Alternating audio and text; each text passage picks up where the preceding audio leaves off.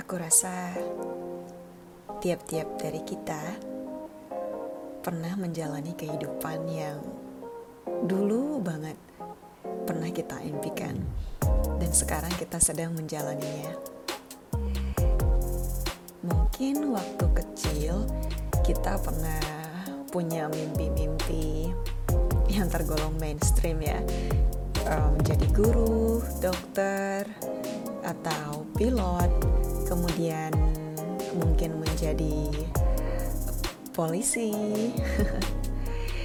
um, rasa-rasanya ketika masih kecil dulu kita pernah memiliki mimpi seperti itu, minimal satu.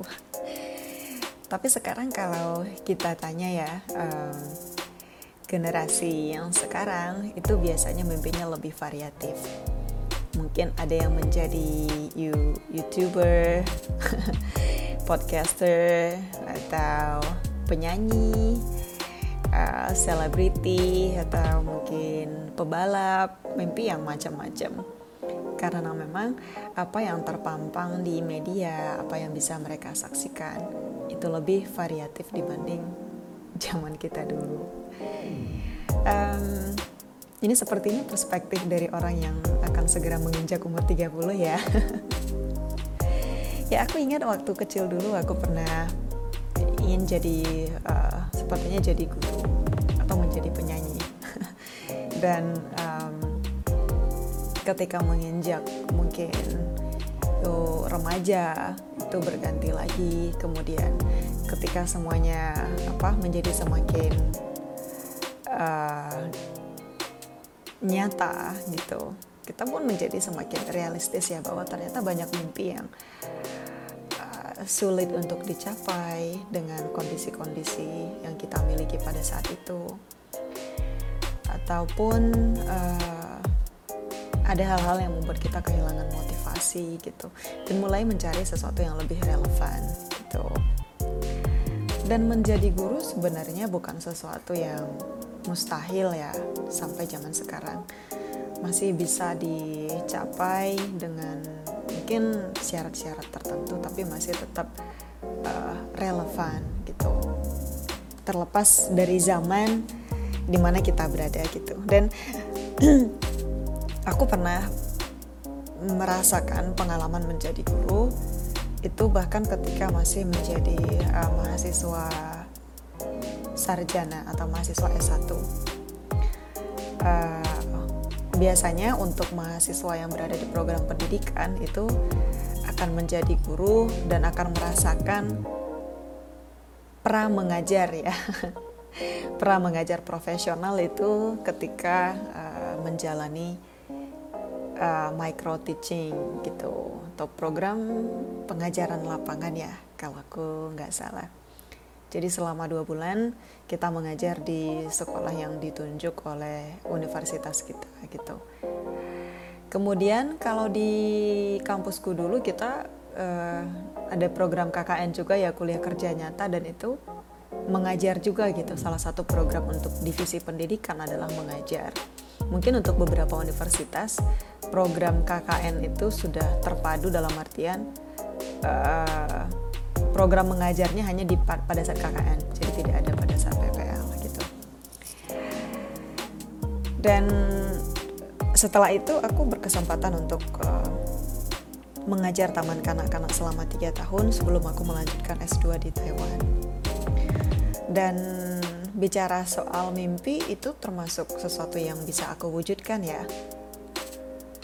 Um, dan ketika aku selesai dari pengalaman mengajar itu dan menjalani kehidupan yang sekarang kembali lagi sekolah gitu belajar lagi. Kadang aku berpikir ya hmm, dulu aku meninggalkan pekerjaan itu untuk hal yang aku inginkan sekarang gitu untuk sekolah di luar negaraku sendiri dan untuk mendapatkan uh, berbagai macam pengalaman dari segi budaya, bahasa, dan ya pengalaman-pengalaman yang tidak akan aku dapatkan kalau uh, masih tetap tinggal di zona nyamanku gitu. Tapi setelah menjalani uh, kehidupan yang sekarang, ini sudah hampir 2 tahun dari 2020 ya. Kadang aku bertanya-tanya, benar gak sih ini yang aku inginkan? Gitu. Jadi semacam ada proses pergeseran um, apa ya uh, keinginan gitu. Dan mulai mempertanyakan motivasi mulai mempertanyakan tujuan gitu dan walaupun ini uh, normal ya dalam perjalanan studi atau pekerjaan ya dalam semua proses kehidupan kita tapi aku kadang-kadang berpikir kenapa pertanyaan itu muncul kenapa sesuatu yang sudah berhasil dicapai mempertanyakan tujuan awal. Kadang-kadang um, kalau kita baca dan kita telah ulang penelitian-penelitian sebelumnya, mungkin akan dikaitkan dengan uh, stres, tekanan di dalam uh, proses yang sedang kita jalani ketika sedang kuliah misalnya tekanan-tekanan tugas-tugas kuliah, mungkin publikasi atau penulisan tugas akhir. Ya, untuk yang sedang kuliah di luar negeri misalnya, ada banyak kendala yang uh, mungkin tidak dihadapi oleh kita yang kuliah di negara sendiri. Dari bahasa misal, walaupun mungkin bahasa pengantarnya adalah bahasa Inggris, contohnya di Taiwan, bahasa pengantar kuliah adalah bahasa Inggris, tapi untuk berinteraksi dengan warga lokal itu masih banyak yang menggunakan bahasa Mandarin ya berbelanja transaksi dengan misalnya pemilik kontrakan ya ujaran-ujaran um, ujaran-ujaran dalam hal uh, interaksi sosial ya itu masih banyak dalam bahasa Mandarin jadi mungkin itu bisa menambah tekanan langsung tidak langsung di luar dari kehidupan akademik. Atau yang mungkin yang banyak dihadapi adalah uh, rindu rumah, rindu pulang. Karena uh, semania apa pun, itu bahasa yang sangat kuat ya sesuka apa pun kita pada tantangan, ada saat-saat di mana kita ingin pulang dan udah pengen rebahan aja. ingin istirahat aja dan ya, tidak memikirkan tantangan itu dalam waktu tertentu begitu. Jadi mungkin itu yang sering kita alami ya ketika sudah capek, ingin uh, istirahat aja gitu Akhirnya muncullah pertanyaan-pertanyaan yang membawa kegelisahan atau pertanyaan yang bersumber dari kegelisahan. Apa benar ini yang aku inginkan?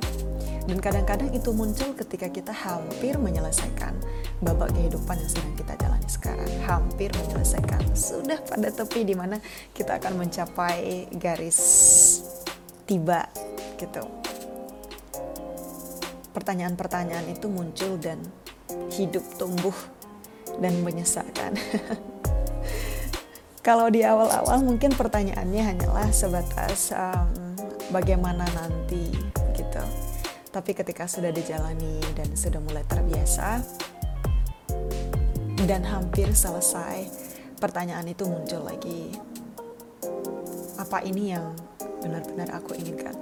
Apa aku sebenarnya tergelincir ke dalam hal yang tidak akan bisa aku selesaikan dan uh, aku mengalami hal itu ya berpikir bahwa apa aku bisa kembali hidup-hidup kembali dengan sehat mentally, physically gitu.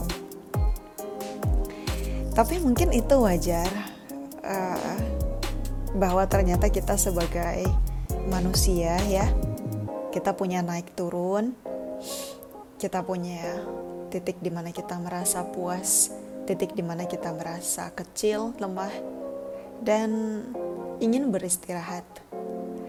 Dan bahwa pada hakikatnya kita manusia yang punya kebutuhan untuk beristirahat, kebutuhan untuk uh, recharge energi lagi, keinginan lagi, sangat wajar. Dan mungkin menjadi pengingat untuk aku sendiri dan uh, teman-teman yang akan mendengarkan podcast ini um, bahwa sah-sah saja kita mempertanyakan kapasitas, mempertanyakan apa yang sedang kita jalani saat ini, namun mungkin tidak bijaksana untuk memutuskan mundur atau berhenti tanpa menyelesaikan apa yang sudah kita mulai.